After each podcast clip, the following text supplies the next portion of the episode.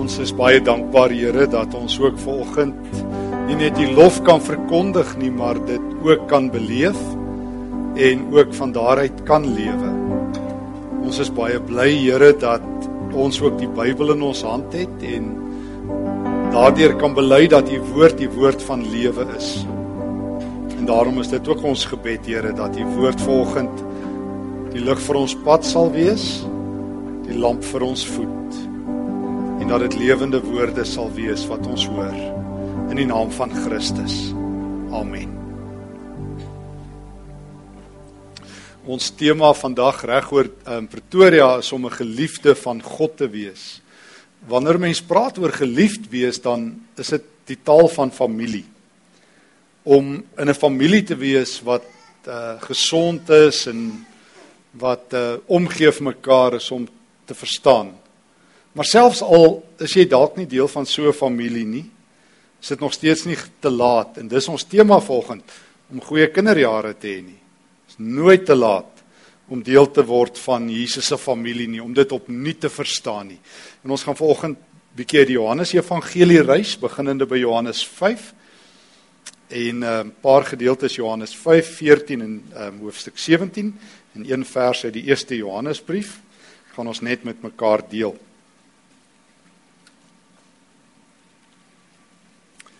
Ek vra graag as ek bietjie met leiers praat, as een van my werke is om bietjie leiers toe te rus en leierskap dinge te doen. Vra graag vir leiers, wat is die een ding wat jy die afgelope jaar geleer het wat ehm um, jou lewe verander het? Die laaste tyd het ek begin om te sê, vertel my, wat het in die afgelope 6 maande gebeur wat jou gedagtes, jou lewe positief geskuif het? En daarom ook die vraag vir oggend want ek vra dit ook graag deesdae vir Christene en vir myself. Wat het jy die afgelope jaar? Nee, wat het jy die afgelope 6 maande geleer oor die Here? Wat jou lewe verander het? Gewoonlik 'n verrassende vraag vir Christene, want baie mense kom nie altyd kerk toe met die verrassing dat jy gaan leer en dat jy gaan skuif nie. Dis een van die skokke wat ek mee moet deel is dat die evangelie mense nie so baie verander soos ek geglo het hulle moet nie, maar dis 'n ander gesprek vir 'n ander dag. Maar my vraag is, wat het jy die afgelope 3 maande oor die Here geleer? 1 wat jy nie geweet het nie, 2 vandat jy dit weet jou geloof verander het en 3 wat waar maak wat Paulus skryf in uh, Filippense 4. Nou verstaan ek iets meer van die vrede van God wat my hart en my verstand te bowe gaan. Ek wil ietsie deel wat my lewe die afgelope 3 maande geskuif het en dit was presies ehm um, dit het begin ek met 'n boek geskryf het oor genade. Dis hierdie jaar die 500ste jaar van Luther se reformatie. En ehm um, ek moes vir myself gevra het, een, wat het ek nuut geleer? Want ek word altyd 'n bietjie, ek voel altyd 'n bietjie verkil en ek hoop julle ook as ek 'n fliek sien, as ek 'n boek lees en as ek na 'n preek luister en ek dink, "Mmm, ek het hierdie al baie van tevore gehoor. Inligting sal weer gehersirkuleer." Dan voel ek so 'n bietjie gekil. Maar daar's een ding wat my absoluut omgebou het toe ek die Johannes Evangelie oor en oor weer gaan lees het en dit is die volgende. 1 dat wanneer Jesus oor God praat, 1 hy hom konsekwent Vader noem en 2 dat hy hom dat hy ons konsekwent na sy ouerhuis toe vat, nie na 'n paleis toe nie, nie na 'n beheersentrum toe nie, nie na 'n sogenaamde war room toe nie, nie na 'n uh, die vraag of God in beheer is nie, Hy vat ons doodgewoon na sy ouerhuis toe. En ek het agtergekom wanneer ek oor my ouerhuis praat en ek praat oor my werk of oor belangrike ouens, dan gebruik ek verskillende soort taal. Mense wat ehm um, wat in magstrukture is, soos koning, kom ek vat maar 'n Bybelse voorbeeld, koning Hiskia. Hy is die ou aan wie die Here 15 jaar lewe gee, 2 Konings 18. Ekstra toe hy moet doodgaan. En net twee hoofstukke later lees jy dat as ouens uit 'n ander land hom kom besoek, wat is die eerste ding wat hy hulle gaan wys? Al sy geld, al sy skatte, al sy wapens. Hy moet ouens beïndruk met sy mag. As jy daar in Amerika kom, waarmee moet hulle jou beïndruk? Met hulle alles everything is beat, bigger and better in America, nie waar nie? Jy moet beïndruk word deur die grootsheid, deur die mag. En en en en die vraag wat ek by baie Christene hoor, is nie per se verkeerd nie. Is God in beheer. Hoe lyk sy beheer? My God is in beheer. Hy het hierdie mag. En dan moet ons ouens oortuig hoe sterk is God. Jesus doen dit nie in Johannes Evangelie nie. Dis die eerste keer dat ek dit in my lewe ontdek het. Nou ek hoop julle sit nou daar in die kerk in die bank en sê, "Regtig, het jy dit nog nooit verstaan nie? Ek weet dit al jare." Dan kan ons huis toe gaan en gaan koffie drink. Maar net dalk is dit 'n openbaring vir jou ook. Johannes 5, die eerste ding wat Jesus doen, hy vertel ons van sy asemrowende kinderjare in sy ouerhuis voordat hy wêreld toe gekom het. Hy kom uit hierdie fantastiese ouerhuis uit. Hy kom uit hierdie ouerhuis uit, nie in die eerste plek 'n paleis, nie in die eerste plek die beheersentrum nie. Hy, as hy jou iets wil vertel van God, is Jesus se eerste roete om te sê, kan ek jou van my Vader vertel, nie van die koning, van die Here, van jou wat weerlig kan maak, wat alles kan oplos nie. Kom ek wys jou my Vader se hart. En hy doen dit op geen plek vir my mooier nie as in Johannes 5. Johannes 5. Nou ehm um, as jy die Johannes Evangelie goed ken, Johannes het net 7, miskien 1 ekstra wonderwerke van Jesus. En dis alles in Johannes 1 tot 12. Miskien daar in Johannes 21 nog eene. Dis groot wonderwerke en elke keer as jy godsdienstige ouens baie ontstel. Nou ook want hy genees 'n ou op die Sabbatdag. En dis nou die Joodse dag dat jy niks mag werk nie. Nou ons sluit aan daar by vers 17. Want ons sien in vers 16 die Jode teen Jesus te velde getrek want hy dit op 'n Sabbat gedoen het, het hy oor die bad van Bethesda genees. Nou net om Jesus se opmerking te verstaan in vers 17. Ehm um, as hy sê my Vader werk tot nou toe en ek ook, die Joodse rabbies het gevra, mag God op Sabbat werk? Toe sê hulle nee. Hy kan nie. En toe het hulle weer daaroor gedink, sê hulle nee, ons moet daarom vir God toestemming gee. Hy kan dan werk op Sabbat. So hulle was daarom baie gaaf teenoor God. So die Jode weet as jy op Sabbat werk, is jy God. In die oomblik as Jesus sê my Vader werk tot nou toe en ek ook, dan sê hy ek is God. En dan sal hulle briesend. Nou lees ons verder, vers 18. Hierteenoor het die Jode nog des te meer geprobeer om Jesus dood te maak.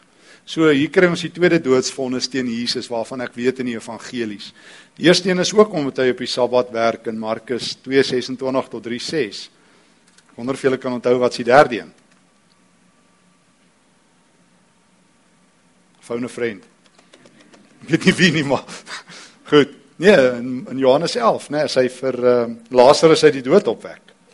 Dan sê die Jode kan nie so aangaan nie arme Lazarus, hulle maak net daarna 'n komplot as jy hoofstuk 12 lees om hom weer te vermoor. So dit lyk nie of hy lank geleef het nadat Jesus hom uit die dood uit opgewek het nie. Wonder wat het hy gesê toe hy die tweede keer dood gegaan het. Hy wonder of dit gaan lank aanhou. Feit is, feit is, um ons Here Jesus het uh, het al hierdie mag. En um Hulle probeer hom doodmaak, maar hoor nou wat sê hier uh, kom ons lees vanaf vers 18. Hierteenoor het die Jode nog des te meer probeer om Jesus dood te maak. Want hy het nie net die Sabbatdag ontheilig nie, maar hy het ook God sy eie Vader genoem en hom met God gelyk gestel. Hulle weet presies, Jesus sê hy's God. En nou gaan Jesus, hy sê, ouens, maar kom ek vertel julle gou terwyl julle nou hoor, terwyl die nuus nou breek, ek is God. Breaking news. Kom ek vertel julle van my wonderlike kinderjare. Kom ek vat julle na my ouerhuis toe. Want dis wat mense doen wat 'n gelukkige familie het. Sjoe, die van julle wat so bevoorreg is, ek het hierdie wonderlike ouers gehad. Dit was my die lekkerste om my studente pelle altyd na my ouerhuis toe te vat.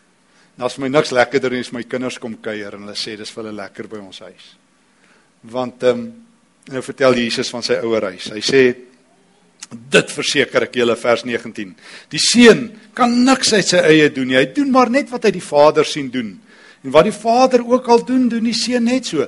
Hy sê ek het so 'n wonderlike Pa in die hemel. Ek het alles by hom geleer. So wat ek doen, doen hy. En wat hy doen, doen ek. En raai wat?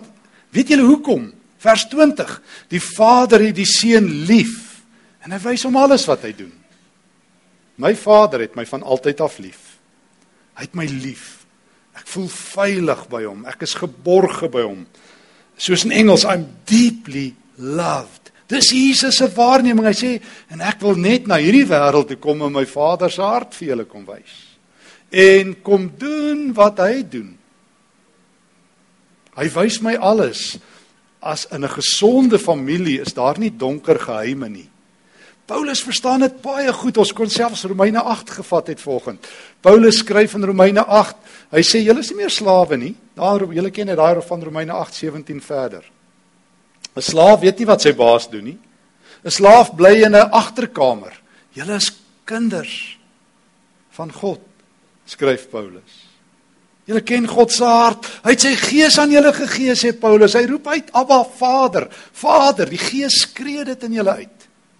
Dat julle kinders van God is. God is nie iemand wat 'n harde baas is nie. Ek het so 'n bietjie met 'n snaakse godsbeeld groot geword. Ek het so 'n bietjie half die idee gekry God is altyd ver. En dat ons nie so mooi weet nie en dat God planne het met ons om ons terug te kry en en so aan. Maar Paulus sê God is 'n Vader. Hy's naby, jy ken hom. Um selfs my taal het my weggegee. Ek het altyd vir ouens gesê ek werk vir die Here. En toe ek dosent geword het by die teologiese fakulteit by Tikkies en die in die studente die eerste jaar kom en ek moet vir hulle klas gee, was my vraag altyd aan hulle nou maar hoekom kom swat julle teologie en sê hulle nee hulle wil nou voltyds vir die Here werk.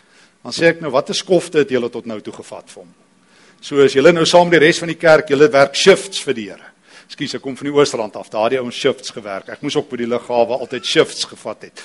Toe ek my studente daar daar gewerk het vir sakgeld. So watter skofte werk julle nou?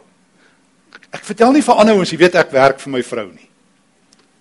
Ek dink ook nie ehm um, vrouens sê jy weet ek het al weer vir my man gewerk hierdie week nie. Hulle gaan sê wat's fout in jou huwelik? Maar niemand vra ons as ons sê ek werk vir die Here nie. Almal moet sê wat, is jy nie 'n goeie familie nie? As jy op 'n slegte plek met die Here dat jy vir hom moet werk. Ek leef vir die Here. Hy's my Vader. Jesus het nie sy werk kom doen nie, het sy Vader se hart kom wys. Hy sê kyk wat het my Vader my gewys. Vers 21. Hy sê um, hy sê eers ek kan niks uit my eie doen nie, ek en die Vader werk saam. Vers 20. Hy sê ons leef uit hierdie verhouding uit. Dis nie daar sê ek alweer werk. Soos die Vader dooies opwek, en lewend maak, so maak die seun ook lewend wie hy wil.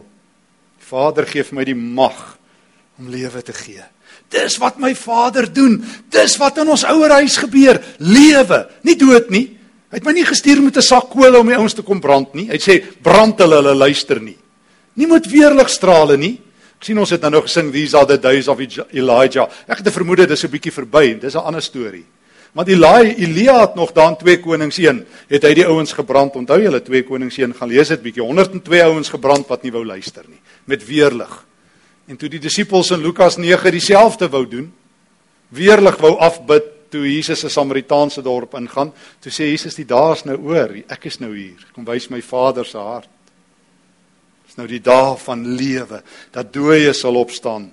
Vers 22 self veroordeel die Vader niemand nie, maar hy die oordeel het hy geheel en al aan die seun oorgelaat. Daarom en nou vertel Jesus, luister, ouens. Weet julle wat, nê? God wil julle nie seermaak nie. Hy gee vir my die oordeel en hier's die oplossing om uit my oordeel uit te kom. Almal moet die seun eer vers 23 soos hulle die Vader eer. Wie nie die seun eer nie, eer ook nie die Vader nie.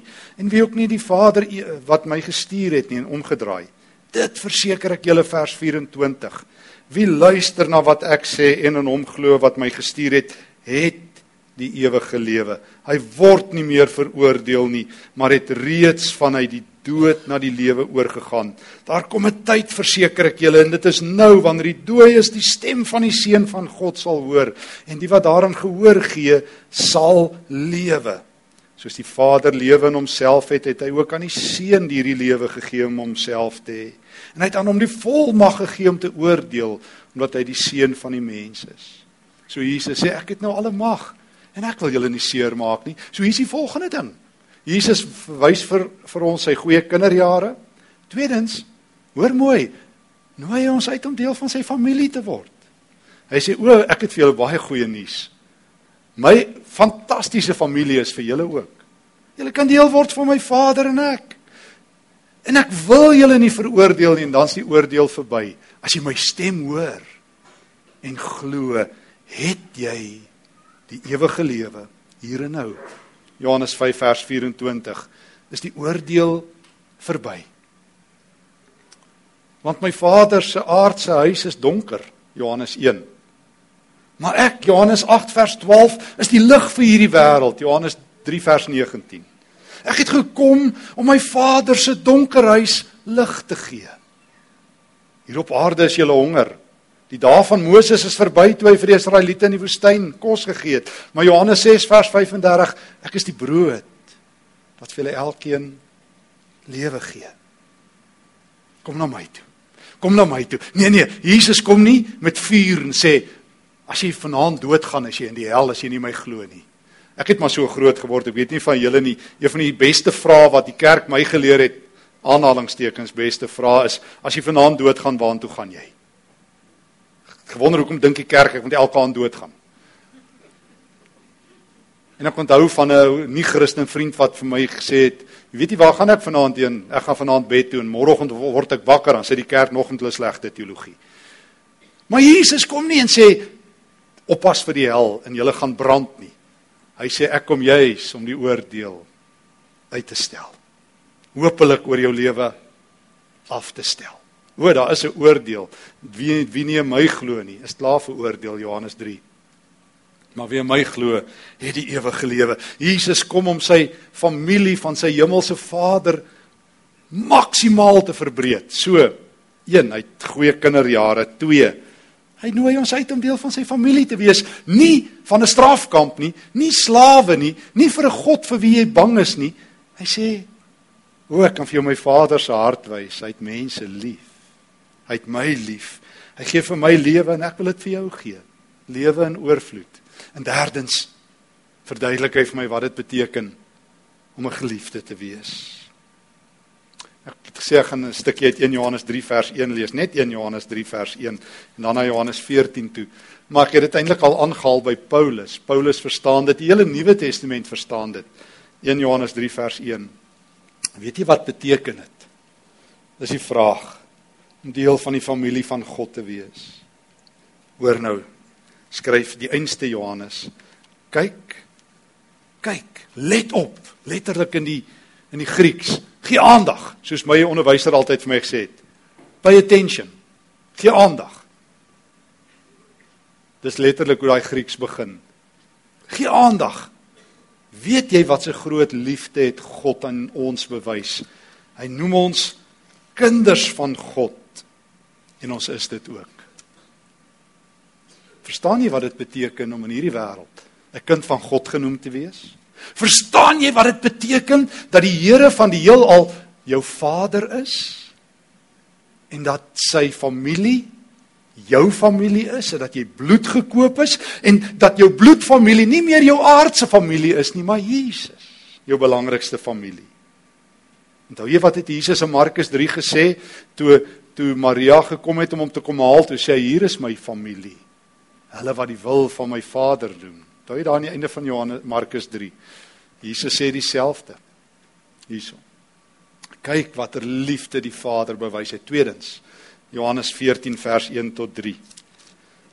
Praat hy weer familietaal. Hy praat altyd familietaal. Hy praat nie regtertaal, oordeelstaal, korporatiewe taal, besigheidstaal nie. Hy praat familietaal. Hoe sukkel ons in die kerk so daarmee? Julle moenie ontsteld wees nie, sê hy. Want hy het nou vir hulle gesê hy gaan weg. Julle moenie ontsteld wees nie. Glo in God. Glo in my. Dis die taal van Jesus se familie. Dis geloofstaal. In die huis van my Vader is daar baie plek. As dit nie so was nie, dan sou ek dit mos vir julle gesê het. Sou ek mos nie vir julle gejok het nie. Julle het my woord. Ek hou vir julle plek. Ek bou vir julle 'n huisie in die hemel. Ek gaan hom vir julle plek gereed te maak en as ek gegaan en vir julle plek gereed gemaak het, kom ek terug en dan kom haal ek julle na my toe. Ek gaan nou terugkom daarna toe, nie na julle woonplek toe nie, na my toe. Kom ek julle haal. Sodat julle kan weet waar ek is. So, wat beteken dit om 'n geliefde te wees? O, jy het 'n nuwe, jy het 'n nuwe aanspreekvorm, jy's 'n kind van God. Dis hoe God sy kerk aanspreek. Nie soos ek groot geword het, sondaars en, en stikkendes en droogmakers en alles nie. God sê ek noem julle my kinders. Tweedens, ek het vir julle plek. Ewige plek. Jesus sê ek het goeie kinderjare gehad. Julle gaan 'n goeie ewigheid hê saam met my. Julle gaan die beste ewigheid hê wat julle ooit kan dink. En dan Johannes 17 vertel hy vir ons nog meer terwyl hy met sy Vader praat. Dit is so aangrypend. Jesus se beste teologie. Kan ek dit so waag om te sê, kom uit as hy bid. Ek het agtergekom teologie, teoloë, ons almal gewone mense, wie ook al maak nie saak nie. Se meeste taal oor God is derde persoon taal. Ons praat oor God, maar teologie word waarlik teologie wanneer dit eerste persoon taal word, wanneer jy met God praat. En dis wat Jesus doen kort, dis die donderdag aand voordat hy vermoor word aan die houtkruis en voordat hy die Sondag uit die dood opstaan, praat hy met sy Vader. Maar dis van die intiemste, mooiste taal ooit. Kyk net saam met my vers 1. Maal net 'n paar grepe uit Want hy praat die taal van die familie, want 'n slegte familiebesigheid, Jesus gaan nou dood en die familie wonder wat gaan gebeur. Nou praat hy met sy vader. Hy sê Vader, U wat my van ewig af het, verheerlik U seun sodat hy U kan verheerlik. U het hom immers volmag gegee oor die hele mensdom om aan almal wat U aan hom gegee het, die ewige lewe te gee. Vers 3 en dit is die ewige lewe dat hulle U ken die enigste ware God en Jesus Christus wat deur U gestuur is. Dit is die ewige lewe. Ewige lewe is nie in die eerste plek 'n plek nie. Ek het groot geword ook met hierdie idee en dit het my lank gevat om dit te kom dat die ewige lewe in die eerste plek 'n plek is. Ewige lewe is in die eerste plek 'n persoon. Jesus. Waar Jesus is, is ewige lewe. Daarom het jy het ek dit nou nou beklemtoon Johannes 5 vers 24 wie my glo het teenswoordige tyd die ewige lewe. Nie gaan dit kry nie. Al hierdie boeke oor die hemel en al hierdie gesprekke oor die hemel het ek ek het al baie van daai boeke bekyk en dalk het van julle dit ook al gelees. Ehm um, is Jesus op het Jesus 'n baie lae rol. Dis my groot skok. Jesus sê in die eerste plek vat ek jou nie op plek toe nie. Ewige lewe sê Jesus hierso ek bid is om Christus te ken. O, in die tweede plek gaan jy vir altyd by hom bly. Maar maar die hemel gaan nie in die eerste plek oor waar dit is en of die bemindes daar gaan wees en of al die familie daar gaan wees of oorlou om Jan wat so baie gesyp het ook daar gaan wees en almal nie. Dit gaan oor Jesus. Dit gaan oor Jesus. Hy sê Vader, ek bid dat die kerk dit sal weet Ek is die ewige lewe. Dat hulle sal ophou om te dink ek is net die die brandversekeringspolis wat net vir hulle die die kaartjie gee vir die beste sitplek in die hemel soos wat Johannes en Jakobus aanvanklik gedink het. Die hemel is die beste plekke. O dat hulle my sal sien, dat hulle sal weet ek is die hoof aan wie alle mag behoort. Ek bid dat die kerk dit sal weet. Jesus bid nog iets. Hy hy bid vers 9 Eh, ek gaan nie alles uithaal nie, ek net so 'n paar fotobeelde maak. Hy bid vir sy kerk. Hy sê ek bid vir hulle vers 9. Ek bid vir hulle. Waarvoor bid hy? Vers 11. Bewaar hulle in die naam. Bewaar hulle. Ek kom nou na u toe bewaar hulle. Ek het hulle bewaar toe ek op aarde was vers 12. U moet hulle beskerm dat hulle nie verlore gaan nie. Weet jy waarvoor bid Jesus? Hy bid nie dat Ekskuus, ons mag ook daarvoor bid dat die misdadigers sal weggaan, dat amper sê ek die president sal weggaan, dat die land sal beter word, dat die reën sal val, dat die ekonomie die misdadigers nie. Jesus se grootste gebed vir jou en my is moenie laat hulle verlore gaan nie. Hulle mag nie uit hierdie familie val nie. Want daar's 'n familie oor kan die straat vir wie die hel wag. Satan en Here keer, ek bid vir hulle. Selfs Petrus toe hy Jesus verloon sê Jesus, ek het vir jou gebid Petrus, jy sal terugkom. Jy sal terugkom. Wie wat? Jesus bid vir jou en my. Hy bid vir sy familie.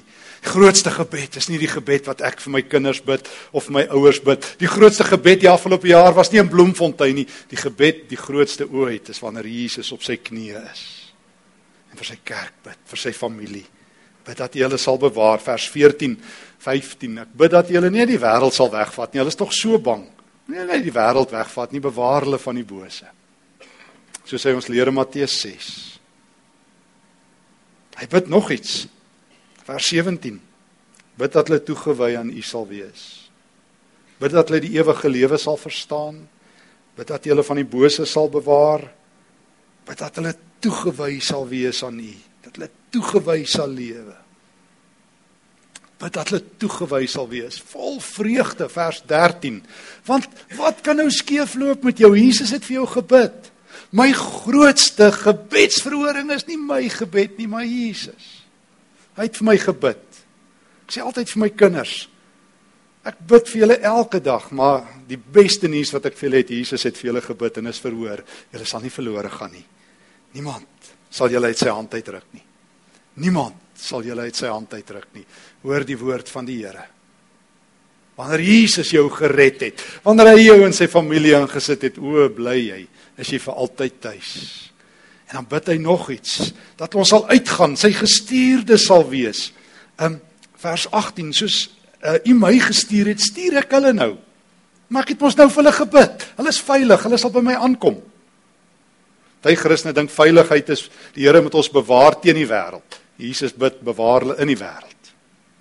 Jesus bedoel nie ons moet in 'n op 'n rak gesit word met so 'n bordjie moenie gebruik nie en dan kom ons by die hemel aan met so 'n vervaldatum use before that time. Dan sê Jesus, ek kon julle nooit gebruik het nie want julle het julle self op die rak gebid.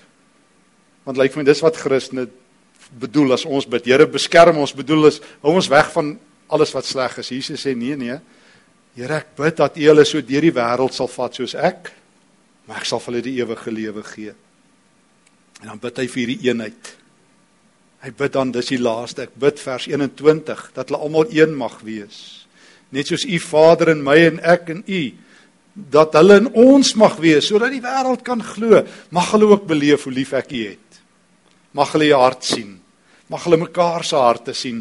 Mag dit 'n ander familie wees as al die ander families in die wêreld waar mense haat en mekaar doodmaak en skinder. Mag Christene sag wees op hulle tonge. Mag die lammers ophou brul. Mag die skape ophou slagtande hê. Mag die vuur van woede in hulle harte bedaar. Mag hulle soos ek lewende water wees. Brood vir 'n honger wêreld. Mag hierdie familie 'n ander tekstuur hê. Dis waarvoor Jesus bid. Kort voor sy dood. Vers 25 regverdige liefdevolle Vader. Die wêreld ken U nie, maar ek ken U. En ek het hulle en en hulle weet het my gestuur en ek het U naam aan hulle bekend gemaak en ek sal dit verder doen sodat die liefde wat U aan my bewys het in hulle kan wees en ek in hulle. Hoe fenomenaal is dit om deel van Jesus se familie te wees, om 'n geliefde van die Here te wees. Jesus het wonderlike kinderjare gehad in die ewigheid. Hy kom uit 'n ouer huis uit van liefde. Hy kom aarde toe en sê asseblief wil jy nie deel van my familie wees nie? Al het jy 'n wonderlike familie, al is dit stikkend, wil jy nie deel van my familie wees nie. Ek het vir jou plek. Glo in my. Glo in my. Ek het vir jou plek. En ek bid vir jou. En ek bid dat jy hierdie liefde van God sal belewe. En ek bid dat jy 'n ruim hart sal hê om in liefde te lewe. Mag die Here ons oë oopmaak vir hoe kosbaar die liefde van die Here is. Amen. Dankie Here vir u woord.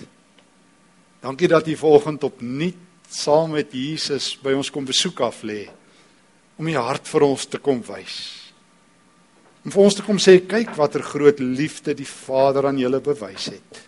Hy noem julle kinders van God en julle is dit ook. Gee Here dat my oë sal oopgaan en my hart sag sal word om te weet ek is 'n geliefde van die Here. Om te weet dat ek ook weer 'n nuwe kinderjare kan beleef, 'n kind in die huis van my Vader. Dankie Here dat U die weg en die waarheid en die lewe is dat U vir my 'n ewige plek in die hemel het, maar nog meer dat U daardie plek ook is. Here bewaar ons van die bose, gee dat U gebed opnuut verhoor sal word in hierdie dae. Lei ons langs groen weivelde tot die eer van U naam. Amen.